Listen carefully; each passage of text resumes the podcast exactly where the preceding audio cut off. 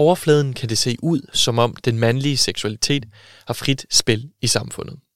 Der er stripklubber, porno på nettet, magasiner som Maxin og æggende reklamer overalt. Men trods alle disse ting er mandens sande begær ofte undertrykt. Mænd tænker mere på sex, end de nogensinde vil indrømme over for kvinder, eller for den sags skyld over for hinanden. Lærere tænker på at bolle deres elever, fædre tænker på at bolle deres døtres veninder, læger tænker på at bolle deres patienter. Og for hver eneste kvinde med så meget som en gnist af sexappeal, er der i dette øjeblik garanteret en mand et eller andet sted i verden, som rører ved sig selv, mens han tænker på, hvordan det ville være at bolle med hende. Måske kender hun ham ikke engang. Han kan være forretningsmanden, som gik forbi hende på gaden, eller den studerende, som sad over for hende i metroen. Og hvis en mand siger noget andet til en kvinde, gør han det sandsynligvis for at komme i bukserne på enten hende eller en anden inden for hørevide.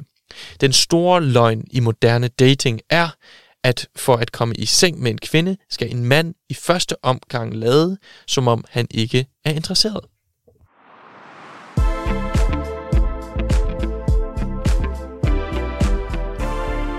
I dagens afsnit af min litterære pornosamling skal vi snakke om en bog, som i den virkelige verden blev til en slags bibel for en verdensomspændende bevægelse af mænd, som har et simpelt formål til fælles, nemlig at score damer. Vi skal nemlig tale om bogen The Game, eller Spillet, som den hedder på dansk, skrevet af den amerikanske journalist Neil Strauss og udgivet i 2005. Og mere specifikt, så skal vi prøve at blive en lille smule klogere på, hvem de her mænd er, hvordan de konkret scorer kvinder, og hvordan det var at efterleve nogle af bogens råd i virkeligheden. Og som en teaser, så kan man måske læse lidt højt fra bagsiden af bogen, hvor der står, for du for lidt? Her kan du lære hemmeligheden om, hvordan du scorer kvinder. Ud fra et rent praktisk perspektiv lyder det jo meget godt, og ligesom noget, der burde være med i min litterære pornosamling. Men rent, altså som, så snart man ligesom åbner bogen og begynder at læse om Niels undercover-rejse gennem de såkaldte scorekunstnerens verden og tricks, så tegner der ret hurtigt et billede af nogle ret akavede, ensomme og næsten desperate mænd med manglende selvtillid, som har sat en matematisk formel på forførelsen, men alligevel måske ikke forstår helt det fænomen, som de vender deres energi mod, altså kvinden. Mit navn er Jakob Nielsen. Velkommen til.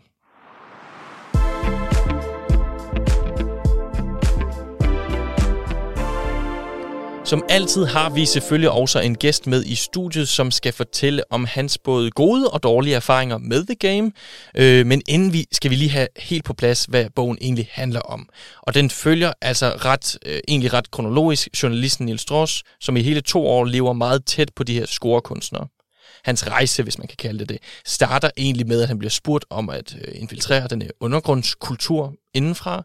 Men da han øh, altid selv har haft lidt problemer med kvinder, så bliver han faktisk hurtigt oprigtigt imponeret og overbevist om hans lærermester, den såkaldte Mysteries scoreteorier i felten. Når han bare, så længe han bare følger hans råd, så bliver kvinder lidt vidderligt mere interesseret i ham. Snart er det dog som om Neil han helt glemmer, at han skulle afdække dem indenfra. Langsomt bliver han nemlig en af de bedste til at score kvinder under dæknavnet Styles. Gennem kurser og forum på det tidlige internet får de her scorekunstnere tusindvis af fans over hele jordkloden, unge mænd, som kopierer dem og deres scoretrik. Det ender i storhedsvandvid, i depression, men faktisk også en lykkelig slutning, der måske kunne være taget ud af en romantisk komedie. Men det kommer vi alle sammen tilbage til. Nu skal vi nemlig snakke med dagens gæst om, hvordan scorekunstnerne forførte så mange damer, hvad deres øh, råd konkret består af, og hvordan det var at læse og blive påvirket af bogen i en relativt ung alder. Og den gæst, dagens gæst, det er simpelthen dig, Mathias Stilling. Velkommen til. Mange tak, mange tak. Du er jo til dagligt radiovært her på 24-7, og så har du fortalt mig, at du selv i en, ja, i en lidt yngre alder prøvede nogle af de her scoretricks af. Men kan du ikke lige først fortælle om, ja, hvordan du første gang hørte om The Game? Hvem har introduceret dig for den? Jamen, øh, det startede tilbage i, jeg tror det var sommeren til 2G, da, øh, ja, i gymnasiet, hvor at, øh, jeg havde set mig lun på en, øh, en, øh, en pige øh, på Roskilde Festival, hvor at øh, vi gik i parallelklasser, og vi skulle op i 2G og sådan noget. Og så kan jeg huske øh, de første uger efter vi var startet igen på, øh, på gymnasiet, så var det sådan lidt, ah, men vi har jo egentlig også idræt sammen og sådan noget. Hun er jo meget sød, og vi snakkede egentlig meget godt sammen, og vi havde ret meget sådan en, en god kemi. Og så var det som om, at, øh, at jeg manglede lidt det, som alle de andre øh, fyre, som hun glænede mod at de, øh, at, at de fyre, de havde et eller andet ekstra. Der var noget ekstra spændende ved dem. De gjorde et eller andet. Enten var det sådan noget, ja, de havde måske en ørering, eller også så spillede de bedre guitar end mig, eller der var alle mulige sådan små ting, som bare gjorde, at jeg bare var virkelig bare en helt normal fyr fra, øh, fra Sorø, som spillede fodbold to-tre gange om ugen, og øh, egentlig ikke interesserede mig for øh, noget sådan vildt ekstraordinært. Så lyttede jeg til nogle plader en gang imellem, og det var det. Men ikke noget, der gjorde, at jeg var sådan øh, vildt sej på nogen som helst måder. Og så kan jeg huske, at jeg nævner det over for en af mine allerbedste kammerater. Og øh, han har for, jeg ved, seks måneder inden det, eller noget i den stil, fortalt mig, om, at han har læst den her bog, som hedder The Game, eller Spillet. Og øhm, så siger han, jamen altså, det havde han brugt, og han havde så fået en kæreste øh, ud fra det, og havde, øh, som han selv sagde, sådan et rimelig godt game. Og øhm, så sagde han, det kunne være, at du måske øh, skulle bruge den, fordi der er faktisk nogle ting her, som øh, du kan lære, hvis du ligesom skal fange nogens interesse.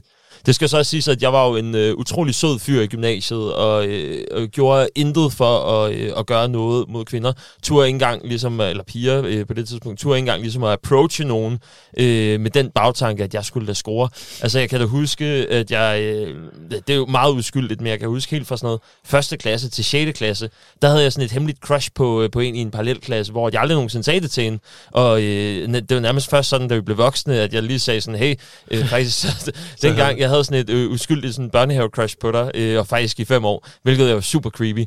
Men, og det, lang tid. Ja, og lang tid også. Men det fortæller måske mere noget om, at jeg på intet tidspunkt sådan rigtig har tur at fortælle nogen om det. Fordi hver gang, at jeg ligesom prøvede, så brændte jeg nallerne. Men øhm, så derfra til, sådan, jamen, måske skulle du prøve at være lidt mere ligeglad, Mathias, og mm. måske endda prøve at tage nogle af de her teknikker i brug. Han øh, havde købt bogen selv, og så gav han mig den. Og så øh, handlede det så om, at jeg så skulle læse den. Og jeg tror, at jeg kom ikke meget mere end 30-40 sider ind i den. Øhm, jeg var faktisk også lidt dårlig til engelsk, øh, så det var også svært for mig ligesom at få meget ud af det. Så til at starte med, så læste jeg bare lidt opskrifterne og tænkte sådan, okay, ja. det, det, det kan man sikkert godt øh, bruge og sådan noget. Ja, for bogen er jo inddelt i sådan de her lange passager, hvor han fortæller om miljøet, men så også nogle mere konkrete råd. Ja, lige præcis. Og det der med at tage øh, konkrete råd fuldstændig ud af kontekst, det er lidt noget øh, mærkeligt noget. Men så satte jeg mig for at læse den, og øh, så fik jeg den også lige på dansk, så jeg kunne få det hele med på den rigtige måde. Og det var bare som om, at jeg ikke nåede at læse netop meget mere end de der 30-40 sider øh, på engelsk. Det gik glimrende, øh, men det gik nærmest endnu bedre, da jeg også begyndte at læse den på dansk. Mm. Og øh, det var sådan nogle helt små ting, som var øh, som, som er nogle af de lidt bærende teorier i øh, The Game eller spillet. Nu ved jeg ikke, vi har ikke talt om, hvordan vi skal omtale bogen, om det er The Game, vi skal lad os kalde den The Game. Okay, lad os kalde den The Game. Øhm, hvordan at de der meget basale teknikker, sådan noget negging for eksempel, at det er en meget øh, standard teknik, og øh, sådan cat string theory, mm. tror jeg også, at den bliver kaldt i The Game. Ja. At det er dem, som man skal prøve at, øh, at, at, at bruge for ligesom at få de første sådan, interessepunkter. Ja. Og jeg kan bare huske helt tydeligt, altså der, hvor at det virkelig går op for mig, gud, det kan være, at der er et eller andet i det her det var, da jeg sad nede på hjørnet øh, på sådan en, øh, sådan ved en slikbutik og en kebab-shop øh, shop og sådan noget. Øh, der sad vi udenfor, det var stadigvæk sådan sensommer. Og vi sad der udenfor og drak en cola, og øh, det var efter skole. Og så kan jeg huske, at jeg lige sådan tog lidt kontakt, men så vendte jeg ryggen til. Og det er jo sådan et af de ting, man skal gøre øh, ifølge The Game, mm. for ligesom at fange en eller anden form for interesse. Og så kan jeg bare huske, hvordan at der lige pludselig opstår en eller anden interesse, som jeg aldrig nogensinde havde oplevet før, fra øh, den her persons side. Og så det er der, hvor jeg tænkte sådan lidt, det var lige godt satans det her. Jeg troede ikke, at der de var nogle bog, der kunne, øh, der, der kunne fortælle nogen, at, øh, at det var sådan, man skulle gøre.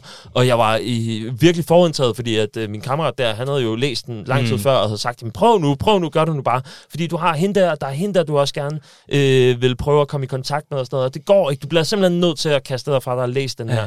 Men jeg kan huske, mit argument til at starte med var bare, Nej, fordi der er ikke nogen bog, der kan lære mig, hvordan ja. at man fungerer socialt.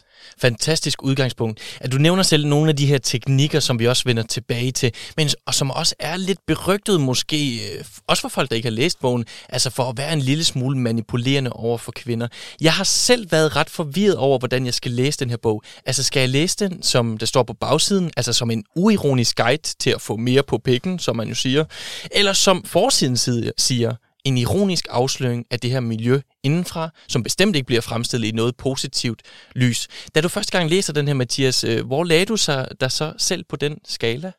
Jamen, jeg tror, til at starte med, så læste jeg den og tænkte, jamen, det er jo måske faktisk ret ironisk, det jeg har gang i her, fordi det er en, der prøver at infiltrere miljøet. Jeg tror faktisk ikke, jeg gjorde mig så mange tanker om, hvem Neil Strauss var før. Øhm, han er jo så en, øh, en, hvad kan man sige, øh, han har jo lavet flere bestseller øh, mm. øh, i USA og sådan noget. Faktisk øh, ret dygtig forfatter.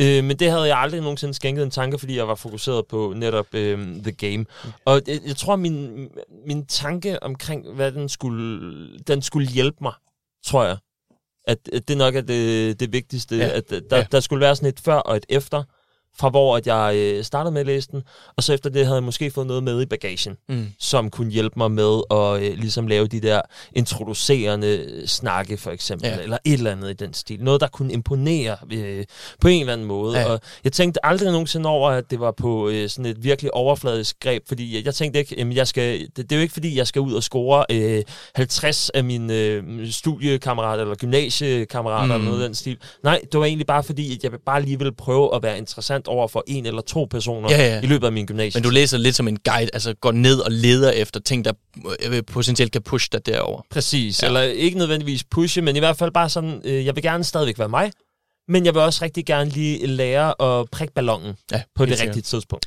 Jeg synes, vi skal prøve at læse nogle af de her råd op, inden du får lov til at fortsætte med at fortælle om dine oplevelser med ligesom at følge bogens råd. Og vi skal høre en passage fra, fra starten af bogen, hvor den såkaldte scorekunstner dem alle, Mystery, tager sine nye elever med i byen for ligesom at dele ud af sine råd. Kvindens sind er et af verdens største mysterier, fortalte han os verdensmandsagtigt, og jeg besluttede mig for at finde løsning på det. Hver dag gik han en halv time med bus ind til Toronto for at gå på bar, i tøjbutikker, på restauranter og caféer. Han var ikke bekendt med online-miljøet eller andre scorekunstnere, og var tvunget til at arbejde alene og støtte sig til den ene kunst, han kunne, trolleri. Han var på afskillige ture i byen, før han overhovedet fik taget sig sammen til at henvende sig til en fremmed. Herefter fandt han sig i fiasko, i afvisning og udmygelse dag og nat, indtil han stykke for stykke fik lagt prikkerne i den sociale dynamiks puslespil og fandt frem til de mønstre, som alle mand-kvinde forhold efter hans opfattelse fulgte. Det tog mig 10 år at finde ud af, sagde han. Den grundlæggende formel er FMTF. Find, mød, tiltræk, forsejl. Tro det eller ej, spillet er linært. Det er der mange, der ikke ved. I den følgende halve time fortalte Mysteries os om det, han kaldte gruppeteori. Præcis dette sæt har jeg prøvet en trilliard gange, sagde han. Man går ikke hen til en pige, som er helt alene. Det er ikke den perfekte forførelse. Smukke kvinder er sjældent alene. Når man har nærmet sig gruppen, fortsatte han, gælder det om at ignorere den kvinde, man er interesseret i, mens man indsmiger sig hos hendes venner. Især mændene og alle andre, der kunne tænkes at agere pikblokade. Hvis det udsete mål ser godt ud, og er vant til, at mændene savler over hende, skal scorekunstneren vække hendes interesse ved at lade som om, han er upåvirket af hendes charme. Det gør man gennem det, han kaldte for en næk. En næk er hverken en kompliment eller en fornærmelse, men noget midt imellem. En utilsigtet fornærmelse eller en tvetydig kompliment. En næk har til formål at underminere kvindens selvværd, samtidig med at den aktivt udtrykker manglende interesse i hende. For eksempel ved at sige til hende, at hun har læbestift på tænderne, eller ved at tilbyde hende et stykke tykkegummi, efter at hun har åbnet munden. Jeg skubber ikke grimme piger fra mig. Jeg skubber ikke fyrene fra mig. De eneste, jeg skubber fra mig, er de piger, jeg gerne vil bolle med, belærte Mystery os med øjne, der skinnede af overbevisning om sandheden i hans egne aforismer. Hvis I ikke tror på mig, får I det at se i aften. I aften er eksperimenternes aften. Først vil jeg vise, hvad jeg gør. I kigger på, og bagefter sender vi jer ud for at prøve et par sæt. Hvis I gør, som jeg siger, vil det i morgen ikke tage jer mere end et kvarter at komme i lag med en pige. han så på Extra Mask. Nævn Alpha Hans fem karaktertræk. Selvtillid. Korrekt. Hvad mere? Styrke. Forkert. Kropslugt. Han vendte sig mod Sweater og mig. Vi havde heller ingen anelse. Alfa hans vigtigste karaktertræk er smilet, sagde han og blændede os med et påtaget smil. Smil, når I træder ind i et lokale. Spillet går i gang i det sekund, I træder ind i klubben, og når man smiler, signalerer man, at man har styr på det, at man morer sig, og at man er noget. Han gjorde en håndbevægelse i retning af Sweater. Da du kom ind, smilede du ikke, da du talte til os. Mm, det er bare ikke mig, sagde Sweater. Jeg ser dum ud, når jeg smiler. Hvis du bliver ved med at gøre, som du altid har gjort, vil du også blive ved med at få det samme, du altid har fået. Det hedder mystery-metoden, fordi jeg er mystery, og fordi det er min metode. Så det, jeg vil bede jer om, er at tage mine forslag til jer og prøve nogle nye ting de næste fire dage. I er kommet for at kunne, I kommer til at kunne mærke en forskel. Bagefter lærte vi, at foruden selvtillid og smilet, var Alfa hans andre karaktertræk, at han var velsøgneret, havde humoristisk sans, kom godt ud af det med folk og blev opfattet som et socialt centrum i lokalet. Ingen tog sig, af det, tog sig den frihed at fortælle Mystery, at det i virkeligheden var seks karaktertræk. Mens Mystery for, fortsatte med at dissekere alfahanden, indså jeg pludselig noget. I virkeligheden var jeg, og det samme gjaldt Sweater og Extra Mask, var jeg her og det samme galt Sweater og Extra Mask, fordi vores forældre og venner havde svigtet os. De havde aldrig udstyret os med redskaber, vi kunne bruge på at blive fuldstændig velfungerende sociale væsener. Nu, flere ti år senere, var tiden inde til at erhverve dem.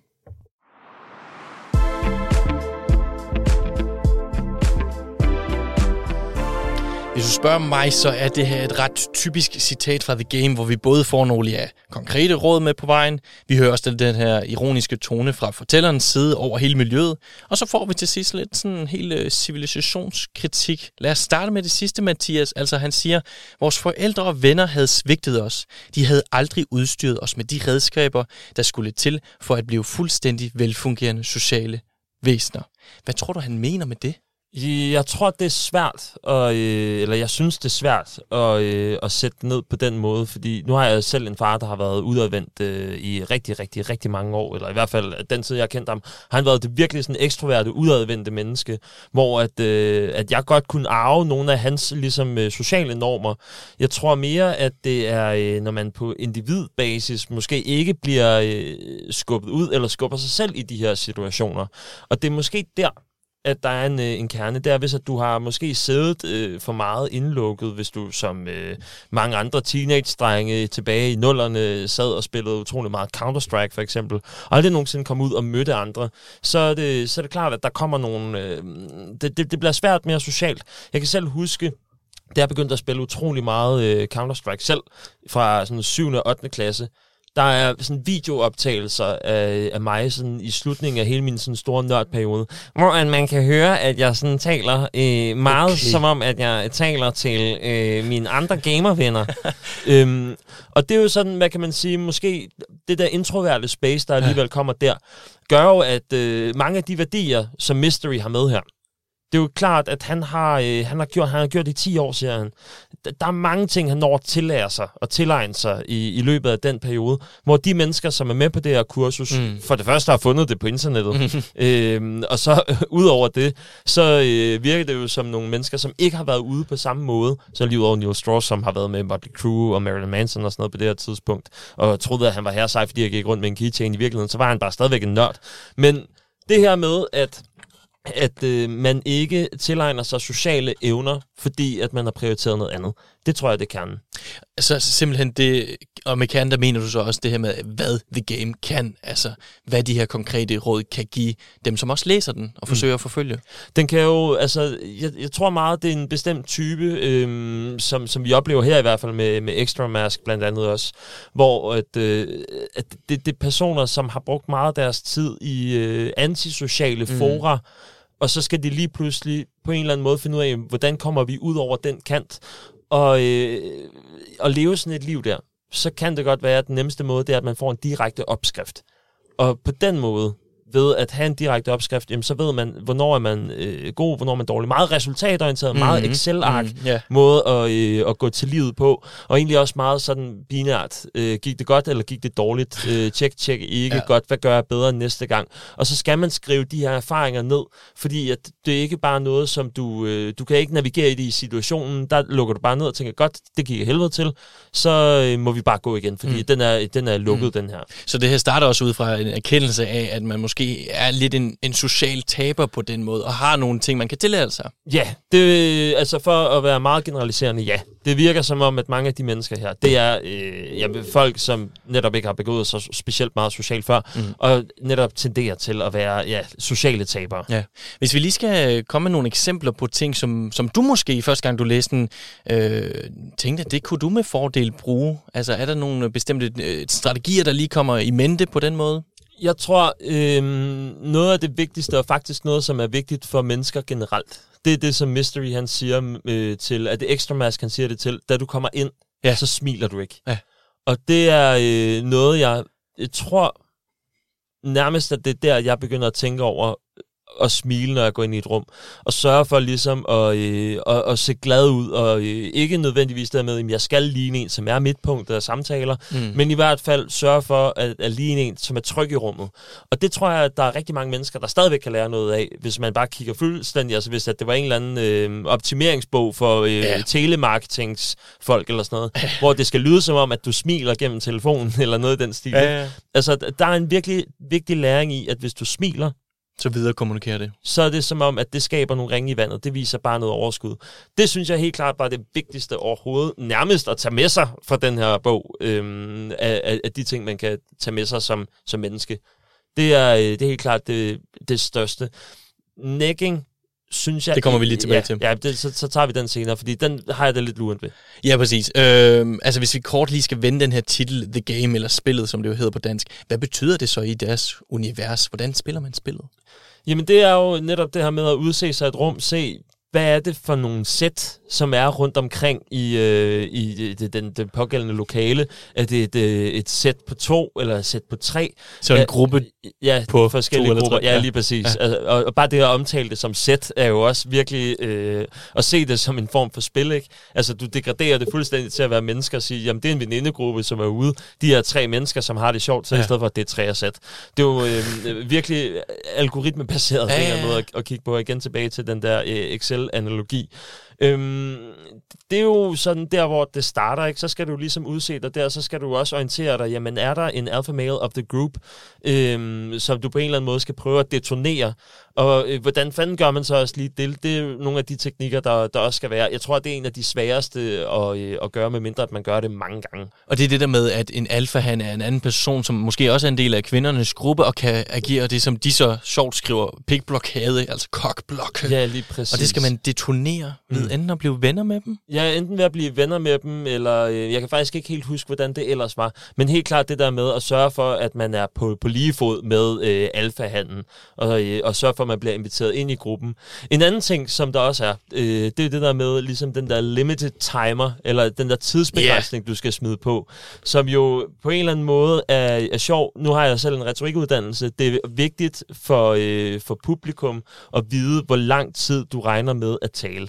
Og det er jo sådan for eksempel, jeg har tre punkter i den her tale. Godt, jamen så ved man, så mm-hmm. ved jeg, hvad jeg skal regne med. Og det er det samme, som Mystery han øh, opfordrer folk til at gøre her. Det er sådan en, hey, øh, bare lige kort spørgsmål her. Når du øh, kommer ind i en ny gruppe. Ja, sådan, det er bare lige hurtigt, to minutter. Ja. Øh, så I det der slagsmål, der ja. foregik ude på gaden? Altså, de spørgsmål der, og så bare vide godt, at det er ikke en, vi skal hænge på hele aftenen. Nej. Det ved vi jo begge to godt, at øh, nogle gange, når man er øh, ude, så øh, er der lige pludselig en, som bare bliver hængende og øh, ødelægger selskabet, og det er øh, til dels uschammerende. Hvad hedder det? Videre så siger Mystery også, at spillet Forførelsen, den er linær og kan reduceres matematisk til den her formel, altså find, mød, tiltræk for sejl. Først skal man dog udpege målet. Smukke kvinder finder man øh, selvfølgelig primært i grupper, og så tiltrækker man dem særligt ved at nikke. Hvad betyder det i dine ord? Over, øh, Mathias, at nikke? Jamen, og nække, I den det, ene næk. Øhm, og det, det er også det, der blev læst op øh, tidligere, Jacob. Øhm, Ja, altså det her med, at man, hvad hedder det... Øh, du giver et kompliment, Ja. men du giver det ikke helt, men du til eller du fornærmer heller ikke personen. Mm. Jeg tror, et rigtig godt eksempel øh, for bogen, det er sådan et eller andet med, åh, det er så sødt, når du smiler. Det er sådan de der lidt kaninagtige fortænder. Øhm, jeg tror faktisk, et, øh, en ting, jeg måske selv har brugt en lille smule, øh, hvis jeg skal være ærlig, det er sådan, øh, det der med at stå og tale med en, og så bare lige tage en hånd i ansigtet. Som om, altså ikke nødvendigvis at i talesætte, du har lige spyttet, hvad, øh, det, et eller andet Det der. der, jeg ikke havde. Men mere bare sådan lige lave den der markering af, okay, jeg har fået et eller andet i hovedet. Hvad er formålet med det? Jamen det er, formålet er så, at øh, personen føler sig mindre værd. Og føler, skal måske have sådan en usikker situation og tænke, åh oh, nej, nu tænker han sikkert, at jeg er super klam og sådan noget. Og ideen med necking er jo netop, at personen skal føle sig mindre værd, Mm. end personen var, før jeg kom. Og det er jo sådan lidt... Og have pille- lyst til din anerkendelse. Ja, pille ned fra pedestalen og være sådan lidt, uh, jeg er godt nok lidt pinlig over, at jeg kom til at spytte dig øh, lidt i, eller sprøjte lidt i hovedet med lidt øh, savl. Øh, hvordan fanden gør jeg det godt igen? Godt, jamen jeg må hellere gøre et eller andet. Jeg må, Ja, jeg må måske dig. ja, please dig for, at, øh, at det kan blive godt igen, og på den måde, jeg vinder din gunst. Og det skal jeg gøre. Og øh, i yderste konsekvens, ifølge The Game, Mm. det er jo så, at man tager hjem og boller. Ja, helt sikkert. Nu nævner du, at du selv faktisk har brugt det til en, på en meget subtil måde, men, måske, men det lyder jo meget usympatisk, og, og som Jamen, det manipulation. er skide usympatisk. altså, det, øhm, og, og jeg tror, Hvorfor tager du det til dig? Jamen, jeg ved det faktisk ikke. Mm, Jeg tror netop, at det har været...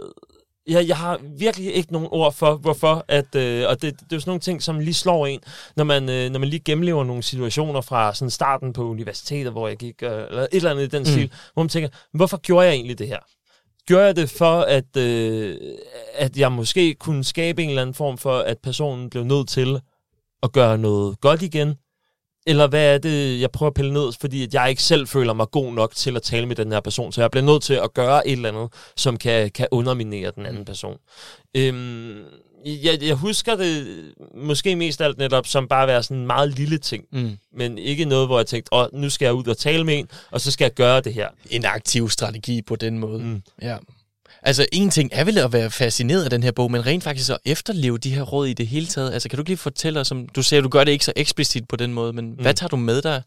Og gør du det nogensinde sådan meget... Eks, eks, altså, efter din første oplevelse, hvor du fik et positivt resultat, er det så, at du går ud og, og lidt mere eksplicit prøver på det? Jeg tror bare, det er nogle ting, som øh, jeg jeg stille og roligt måske tilegnede mig, eller hvad man kan sige. Det var ikke sådan, at jeg gik hjem og førte schema over det eller noget. Det var mere bare den ene gode oplevelse, jeg havde til at starte med, måtte jeg lige skrive til min kammerat og sige, hey, Mm. altså, øh, hvad sker der for, at det her det virkede? Øhm, men alle de andre ting, jeg tror netop fordi, at jeg har været meget sådan den søde fyr, og altid været sådan øh, veninder, øh, eller venner med, med pigerne i klassen og sådan noget, øh, på sådan en måde, hvor jeg bare var sådan den vildt uskyldige, mm. Øhm, så har det aldrig været sådan, så, så vildt et, øh, et, et game, jeg har haft, eller har haft behov for, kan man sige. Øhm, så jeg har, jeg har ikke haft det godt med at føle mig som et, øh, et røvhul nødvendigvis. Nej. Og- Men nødvendigvis, så mener jeg, at det ikke altid har været sådan, jeg tænkte, nu skal jeg ud og bruge taktikkerne. Mm. Det er mere bare sådan en ting, der Du kom. bliver bevidst om det bagefter måske også. Ja, altså ja. Det, specielt nu her, når vi taler om det, så tænker jeg virkelig, okay, men det kunne jo faktisk godt være dengang, at det var fordi, at jeg sådan lidt instinktivt kom til at tænke på, at det måske var en måde at gøre det på. I bogen så opererer de her scorekunstnere jo ofte i grupper med en wingman, og ender faktisk også med at skabe sådan en hele øh, community omkring det at score, hvor de hjælper hinanden med også øh, forskellige praktiske ting i deres normale liv. Er det, var det også tilfældet på nogen måde for dig? Og ved du, om der eksisterer sådan nogle lignende grupper stadigvæk i dag, og stadigvæk i Danmark? Jeg var, jeg var ikke bevidst om det, dengang jeg læste den. Det har været i 2011-12 stykker, at jeg læste den. Øhm, jeg vidste faktisk ikke, at det var sådan en, en rigtig ting. Det er jo endda også fra 2005. Det er jo nærmest før MySpace var en ting. Øh, så de her hemmelige fora øhm, har jo selvfølgelig været en ting, fordi alle har jo hele tiden forsøgt at finde et, øh, et fællesskab. Jeg kan da huske for eksempel øh, suspekt.dk, der var en sag for ved, to år siden eller noget i den stil, hvor det var sådan et lille øh, gay community, som hed suspekt.dk, som ikke ville afgive sit domænenavn. Okay. Øh, netop fordi, at de havde det der lille lukkede forum siden 98 eller sådan noget. Og det betyder jo netop, at der altid har været de her fora øh, med mennesker, som har haft behov for at, øh, at tale sammen på en bestemt måde. Øhm, I forhold til i dag, så øh, er der jo garanteret en eller anden form for, øh, for måde at gøre det på. Specielt sådan noget Reddit, mm. kunne jeg forestille mig. 4chan kunne garanteret også øh, have de her forer, hvor man ligesom udveksler erfaringer med øh, seksuel intercourse. Og, og kvinder, fænomenet kvinder. Kvinder, ja. Og det er jo det, vi ser med for eksempel incel-grupper, øh, som jo netop er de er meget nedladende over for, øh, for kvinder, og altså misogyne mm. af helvede til. Mm. Og jeg tror måske, at der forhåbentlig, jeg siger forhåbentlig, at der er nogle af de grupper, hvor de øh, ikke har lyst til at have kvinder for evigt, men i det mindste bare har sådan en eller anden, jeg bliver nødt til at finde en vej ud af det her. Hvordan gør jeg det? Jamen det gør jeg ved, at jeg skal lære nogle algoritmer, der gør, at jeg kan øh, være social hvad hedder det, det her råd, de her råd, som vi allerede har snakket om fra The Game, handler måske mere om, hvad man kunne kalde de indledende øvelser i en forførelse. For mange af de her scorekunstnere i bogen, så er det jo først ved penetrationen og den mandlige udløsning, at man rigtig har scoret. Jeg synes, vi skal høre lidt mere af de her praktiske råd til det sidste trin i forførelsen, altså det, de kalder forsejlingen. Det er Mystery, som forklarer, hvad man gør, når hun øh, er med hjemme i din lejlighed.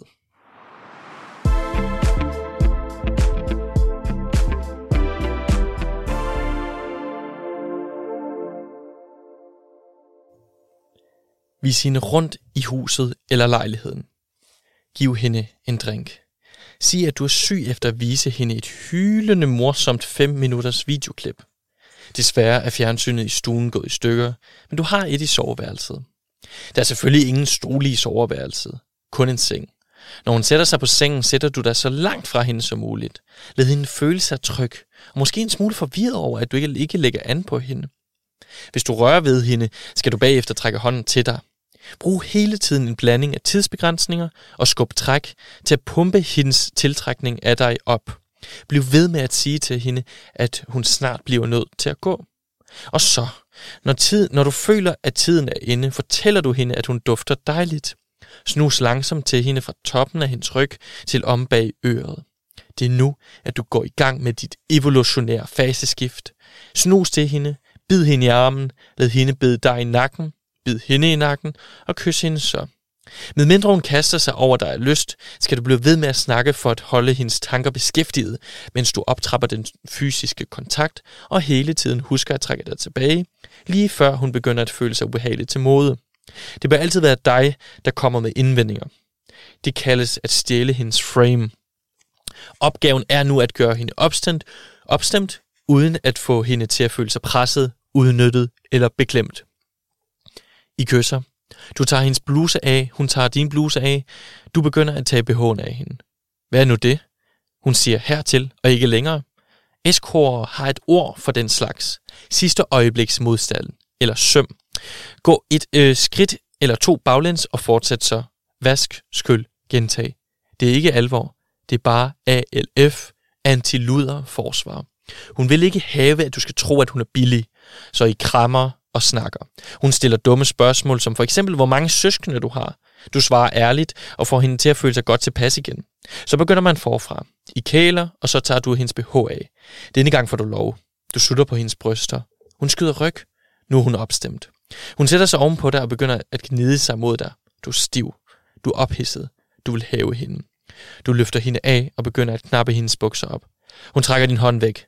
Du har ret, det er helt forkert, visker du hende tungt i øret og giver hende ret. Vi burde ikke gøre det her. I kæler noget mere. Du rækker ud efter hendes bukser igen. Vask, skyld, gentag. Men hun siger stadigvæk stop. Så puster du lysene ud, tænder lyset, slukker for musikken og ødelægger atmosfæren.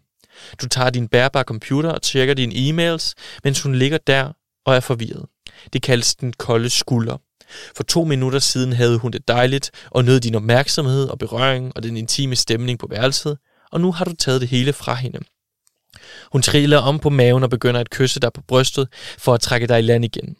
Du lægger computeren fra dig, slukker lyset og gengælder hendes berøring.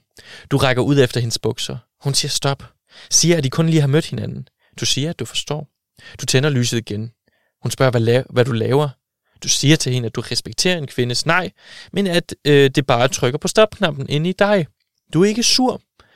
Det siger du til hende helt køligt. Hun ruller om og lægger sig ovenpå dig og klynker i sjov. Nej, hun har lyst til at bolle. Hun vil bare gerne vide, at du ringer til hende bagefter, så hun kan have det godt med det, hun gjorde. også selvom hun ikke har lyst til at se dig igen. Det lader du hende forstå, at du vil. Så siger du til hende, tag bukserne af. Det gør hun. I har det dejligt sammen og giver hinanden masser af orgasmer i løbet af natten, morgenen og måske i flere år bagefter. En morgen, en morgen spørger, spørger hun, hvor mange piger du har været sammen med. Det er det eneste tidspunkt, hvor du gerne må lyve. Simpelthen, Mathias, altså nogle konkrete råd til den sidste del af forførelsen øh, fra bogen The Game.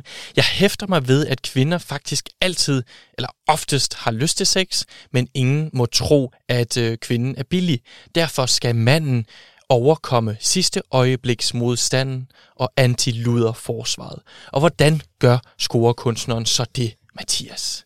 Jamen, som det bliver sagt her, det er den der øh, skub-træk-effekt, øh, hvor at man altså, tager to skridt frem, et tilbage. Ja. Øh, en, en, en teknik, som jeg synes er meget, meget mærkelig. Eller altså... Øhm, altså med frem menes der sådan, tage lidt chance og ja, lige præcis. gå lidt du, videre. Du prøver dig lidt frem, for eksempel. Jeg ved, lige bider i halsen, ser ja. den går grænsen her. Nej, okay, men så prøver vi lidt mere, så tager vi noget tøj af. Ja.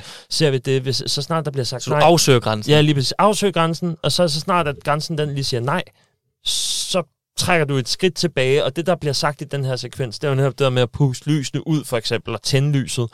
Og det synes jeg, det, det er jo der, hvor at man virkelig kan mærke forskel på The Game og på øh, Social Codex. Eller i hvert fald det der med, det er ikke en situation, som jeg vil se, at man vil være i, hvis at man var, øh, hvis at man kunne aflæse mennesker uden om øh, Excel-ark og mm. alt det der. Altså så forestiller jeg mig jo, at så er det måske mere sådan noget med, okay, du har ikke lyst, fint, jamen, så lad os bare snakke om det, eller et eller andet i den stil, eller det er helt fint, hvis du ikke har lyst, det, det, det finder vi ud af, eller det, du må gerne sove her, eller ja. jeg skal nok lade være med at, at gøre mere.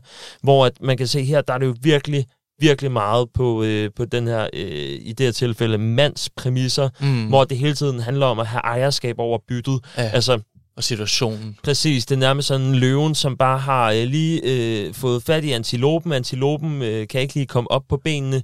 Øh, den må godt lige komme lidt op på benene en gang imellem, men så skal den også lige presses ned igen. Øh, meget, meget voldsomt, synes jeg. Så det du siger er også, at øh, her kan man måske skelne mellem The Game, som aktivt arbejder mod at score, no matter the cost næsten, mm. og så de her basale øh, menneskelige, sociale koder og Præcis, fordi her der er det eneste udfald, det er bare, at manden får noget på den dumme. Mm-hmm. Det, er det, det er det vigtigste her. Det handler overhovedet ikke om, om, øh, om der er nogen, der er tilpasse i situationen, fordi manden i det her tilfælde er også bare et tal i en større algoritme. Og øh, tilfældet her, det er også, også at kvinden i det her tilfælde jo også bare et tal i algoritmen. Ja. Og hvis at den equation, den ikke løber op, jamen så er det lige meget, så skal vi tilbage til basics. Og det synes jeg bare er meget voldsomt at se det på den måde. Jeg synes, øh, i, i det her tilfælde, så skulle man jo bare tale sammen om det. Ja. Altså. For vil du ikke kalde det her med for eksempel bevidst at ødelægge, ødelægge atmosfærens stemning for en altså basic øh, manipulation af kvinden? Jo, det, og det er enormt usekset. Altså, øh, jeg kunne ikke forestille mig, at jeg nogensinde ville have lyst til at prøve at gøre op for det, hvis at der var en, øh, som jeg skulle være sammen med, som Ja, det er jo sympatisex. Som, som ja, og, og det er jo sådan virkelig manipulationssex, og på en eller anden måde øh, tankevoldtægt. Og det er jo, altså, altså, så er det jo ikke det, som sex skal være, med mindre at man er øh, meget driftig og pissekold i røven. Altså, det, det der, det vil jeg nærmest kategorisere som, at det er ikke sex, det er mm. mere jagt på et bytte. Mm. Og det handler og bare... tankevoldtægt. Ja, og tankevoldtægt. Og det handler også bare om at få det ud af det, som man vil, og det var, at det skal være en 100% øh, seksuel akt. Fordi det taler vel også en lille smule ind i den her historie om, at et nej ikke rigtigt er et nej. Altså, kvinden siger nej, men hun vil jo faktisk gerne. Øh, det er, spiller vel ikke fantastisk godt ind i vores tids fokus på samtykke? Nej, overhovedet ikke. Det er jo 17 år siden bogen er skrevet, og det der med, at et nej ikke er et nej her, men nej, det er et, øh, det er et nej, indtil du er overbevist. Altså, det, den der insisteren, jeg synes, det er øh, virkelig grænseoverskridende. Mm. Jeg kunne ikke forestille mig, at øh, der er nogen, som har, som har lært, hvordan at man skal have sex med hinanden, vil synes, at det her, det var i orden. Men tror du, det er et spørgsmål om, at den er skrevet for 17 år siden, eller at det her er en, hvad kan man kalde, en undergrundskultur, som har et helt andet moralkodex. Jamen, det kan godt være, og det er selvfølgelig også, øh, der er mange mennesker i den her verden, som har større seksuelle drifter, end jeg har. Det kan godt være, at, øh, at den her subkultur mm. jo også på en eller anden måde gør noget, øh, som, som nogle andre ser som en god kink. og, og den kink kan jo godt være det der med, med bare at have fuldstændig uforpligtende sex mm. øh, fra den anden side. Og så handler det bare om, at man skal finde hinanden på et eller andet punkt. Jeg, jeg synes, ja, uden at manipulere. Ja, ja men ja. jeg synes, at her der, der bliver det jo så manipulerende, at, øh, at det ikke gør sådan rigtig godt for andet end øh, den person, som bare vil stikke pikken ind. Nej, helt sikkert. Altså generelt synes jeg også, at The Game fremstiller et meget øh, entydigt blik på mænd og kvinder. Altså alle kvinder vil gerne have sex, men er næsten altid bange for at tage en aktiv rolle i forførelsen. Hvad er det for et syn sådan helt generelt, som The Game har på, på kvinder? Jamen, meget objektiviserende, eller faktisk nærmest ikke engang objektiviserende, men nærmest bare, du, du lægger det så meget ned i den bog, der hedder, jamen, jeg er fuldstændig ligeglad med, hvad du er, bare du er en 10'er, eller en 11'er nærmest. Så længe at du bare er oppe på en eller anden talbaseret skala, så handler det om, at øh, jeg skal have dig hjem. Jeg skal ikke have noget, der er en 3'er eller en 4. Jeg skal kun have det ypperste. Og, øhm, og det gør jo, at det ikke engang, det, altså, du kan jo nærmest være sammen med hvad som helst, så længe at alle andre har fortalt det en 10'er og så vil det være okay. Det, der, der mangler virkelig noget, øhm, igen, vender tilbage igen, den der sociale mm. forståelse for, hvad fanden det er, man har gang i her.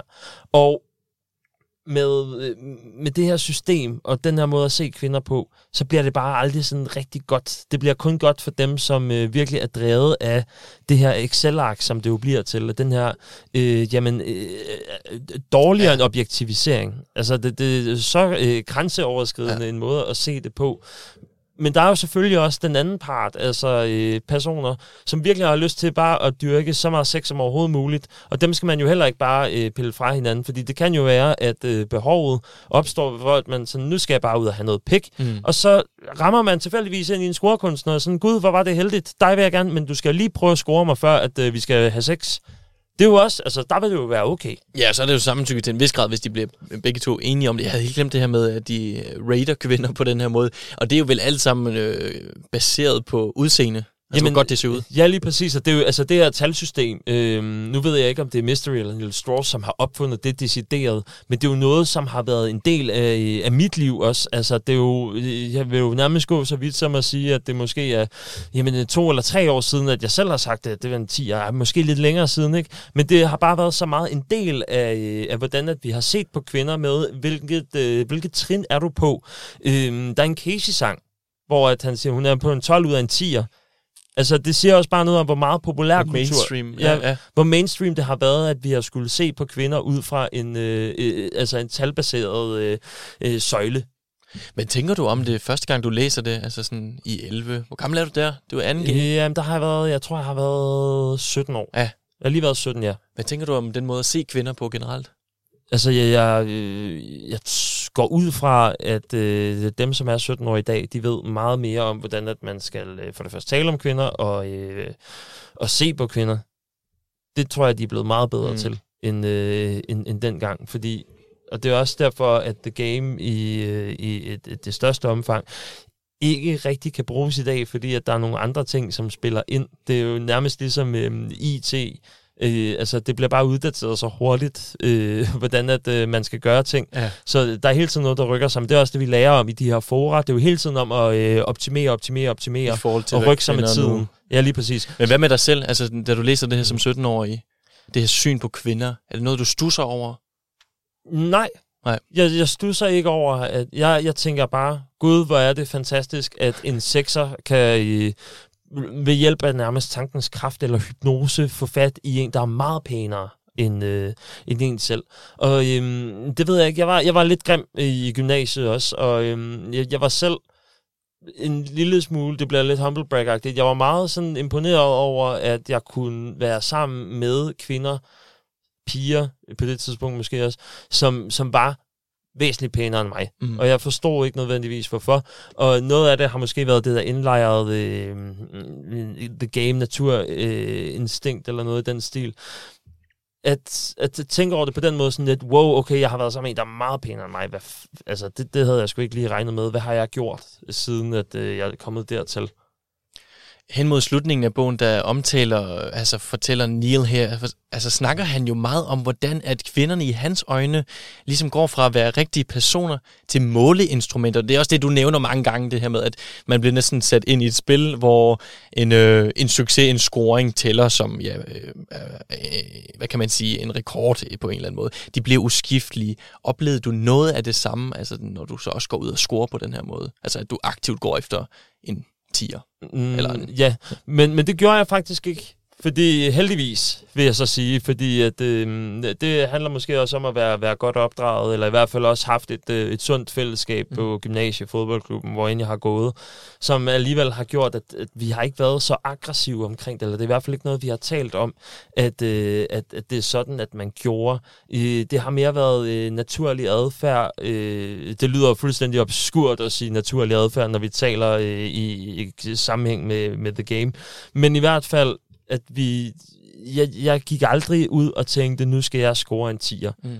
Jeg tror, jeg har været meget... Øhm, jeg har været meget tiltrukket af, af folks personlighed i hvert fald, og tænkt, at øh, det var der, hvor at, at personen gik fra at være en 6'er til at være en 10'er lige pludselig. Det det, jeg blev meget charmeret, og, og på den måde kom, kom ind i, i, i den tanke, og så, så tænkte jeg derfra, gud, hvor er det dejligt, at kunne være sammen med en, der er så, så charmerende, og, og virkelig på den der øh, mere psykiske måde. Ja. Men det er jo en, hvad kan man sige, det er jo en, en forbindelse, en connection med et menneske, som man aldrig nogensinde når til i, i The Game der når du aldrig at, at komme ind i de der tanker med øh, sådan det følelsesmæssige, eller i hvert fald ikke i det store billede. Der handler det jo når du meget spiller spillet. Ja. Når du spiller spillet, så handler det aldrig nogensinde om at få den dybe relation. Det handler bare om, jamen, øh, som Mystery også nærmest siger i starten af bogen, øh, i morgen, så kan I få et telefonnummer på et kvarter, og så er det godt. Ja, helt sikkert.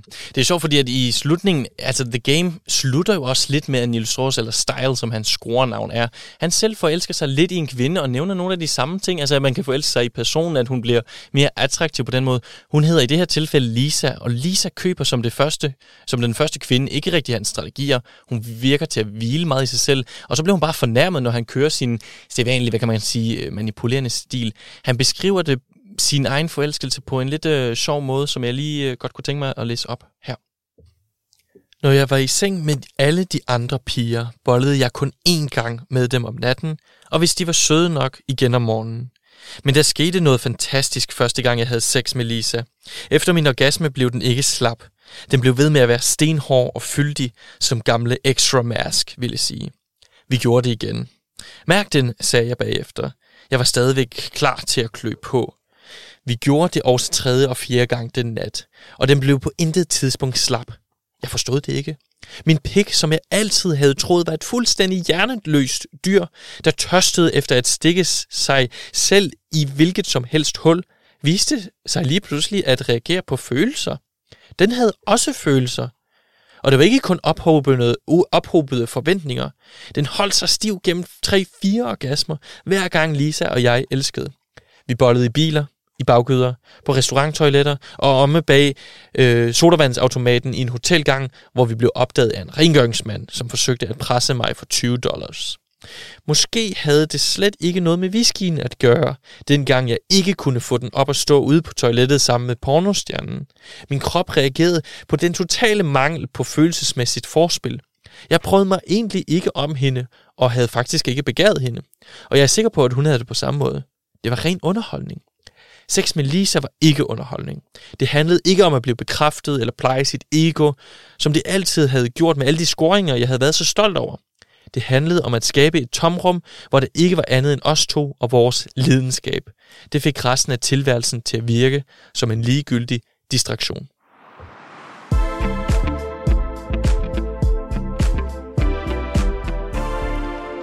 Pikken havde faktisk også følelser, Mathias. Er lidt den her opdagelse, som Niels Strauss kommer til.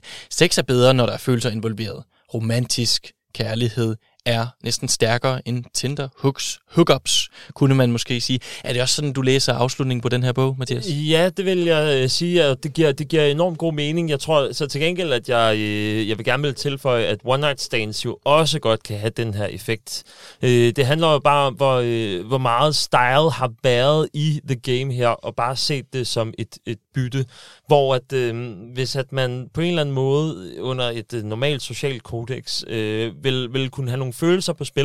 Det er det der med, at der skal være noget på spil, og du ikke bare skal regne ud fra en manual, hvor du ved, okay, øh, det er kapitel 1 nu, det skal vi lige igennem, det bliver kedeligt, øh, kapitel 2, okay, ja, øh, kapitel 3, jamen, det var også det, jeg havde regnet med. Jeg har jo lavet den her pick-up line 10.000 gange før. Men det der med, så snart der kommer noget modspiller, det er jo også det, der er med Lisa, og hun køber ikke det der bullshit, og det er jo formentlig også det, som, øh, nu er det jo en 17 år gammel bog, at det er derfor, den også er uddateret efterhånden, fordi at der er så mange øh, kvinder, som i hvert fald har oplevet de her episoder med mennesker, der har prøvet at nikke på dem, eller i hvert fald prøvet at lave nogle af de her rigtig dårlige pick-up lines, og det har været så nemt at gennemskue, fordi at det måske bare har været nogle typer, hvor at man har kunnet mærke på dem, alt du vil lige nu, det er bare at komme i bukserne på mig, og du gør det med de teknikker, som rigtig mange andre, der også gerne vil i bukserne på mig, hvor det heller ikke fungerede. At det er sådan, at det var. Tror du godt, at man kunne skrive den i dag på en eller anden måde, med nogle opdaterede tricks? Eller vil det altid falde ud til sådan en halv akavet manipulerende størrelse? Mm, jeg tror godt, at man kan finde en opskrift. Og jeg, men jeg tror, at den opskrift, den er meget forskellig fra det, den var i 2005. Jeg tror, der, øh, det handler meget om, hvordan man begår sig socialt. Og jeg tror, at det, som som de mennesker, som... Øh, altså, der findes jo stadig pick-up artists i Danmark også. Jeg tror, at det, øh, det, det handler meget mere om, at vi er blevet meget mere åbne om vores sexliv. Vi er blevet meget mindre... Øh, Øh, hvad hedder det, blufærdige, og, og, og det kan jo i hvert fald også gøre noget med, at man kan være meget mere åben om, at man har lyst til sex. Altså, det er jo ikke et tabu at tage i svingerklub længere, for eksempel. Øhm, heller ikke et tabu at tale om onani, eller om se porno. Og på den måde, så er der jo, der er jo mange ting, som gør, at det, det ikke behøver at være så krypteret på sådan et lille internetforum, mm. hvor man skal fortælle, nu havde jeg den her oplevelse, og nu skal vi prøve det her i morgen, og så kan vi optimere og bygge den her algoritme op. Fordi jeg tror, at vi er blevet meget mere kritisk tænkende i form af, at øh, vi kommunikerer med mange flere mennesker i dag, end vi gjorde for, for 17 år siden på sociale medier. Vi er meget mere bevidste om, hvad andre render rundt og laver. Vi er meget mere bevidste om, hvilke relationer andre mennesker har, fordi vi kan se det hele tiden. Og på den måde så opbygger øh, vi en eller anden form for, øh, for, for moral og social kodex. Mm. Så jeg tror, det er svært at, øh, at lave en bog en til en af The Game, også fordi at Necking for eksempel er virkelig, der, der er så meget, der har ændret sig, at der ikke er nogen, der gider at finde sig i at få sådan en der øh, våd klud i ansigtet. Nej. det er ikke engang en våd klud, det er, sådan, det, det er en våd serviet eller et eller andet. Øh, altså, der, ja. der er ikke nogen, der vil have det længere. Men siger, hvad hedder det, Style eller Nils Strauss ikke her til sidst, at hele scorekunsten, han, han tænker tilbage på dengang, han ikke kunne få den op at stå, og indser så, jamen det var fordi, jeg ikke var følelsesmæssigt investeret i hende overhovedet, den her pornostjerne. Øh, handler øh, hele den her scorekunsten ikke faktisk bare om at få bekræftet sit ego? Altså, at det er derfor, de scorer til en vis grad? Jo, eller i hvert fald, at man bliver bekræftet i noget andet, end det man var, før man begyndte på det. Altså det, som vi har uh, talt om også, det er, at det har været nogle uh, unge kale, som har været nogle late bloomer, og mistet deres øh, uh, mød om i en alder af 21 år, eller hvad det var, uh, Westmask han var, Extra Mask, undskyld. Um, altså, at, at, at, på den måde, så har det været lidt sværere Mathias, det sidste spørgsmål her i dag bliver, om du øh, er glad for at have læst The Game og været påvirket af den på det tidspunkt? Det, det, det er et godt spørgsmål. Jeg tror desværre faktisk, at jeg er glad for det. Fordi havde jeg ikke øh, haft de, øh, havde jeg ikke haft den viden dengang, og så er det jo så gået ud over nogen i et eller andet omfang, men jeg har været i den meget milde grad, vil jeg selv sige. Men hvis jeg ikke havde været bevidst om, at man kunne på en eller anden måde optimere nogle ting ved sig selv, kende sine svagheder og på den måde arbejde med det, så vil jeg ikke være øh, noget øh, der, hvor jeg er i dag i forhold til øh, erfaringer alle mulige steder. Om det har været jobsamtaler, eller om det har været med kærester, eller om det har været med hookups, eller hvad end det har været, få nye venner for den sags skyld. Altså øh, det der med at komme ind i et rum og virkelig bare have udstråling af, mm. hey, jeg kan være din ven om fem mm. minutter, mm. øh, er jo super behageligt for mange mennesker, og så er der andre, hvor det kan være sådan. Så alt i alt, Jeg er glad for, at jeg læste den dengang, øhm, men man skal aldrig nogensinde læse den i dag, hvis man gerne vil lære noget. Man skal læse den for, hvad den er, og så se, okay, det er måske bare øh, et amerikansk indblad et eller andet sted. Mathias Stilling, tusind tak, fordi du var med som gæst her i øh, dagens afsnit af øh, min litterære pornosamling, og tak til jer, der lyttede med derude. Vi lyttes ved i næste uge.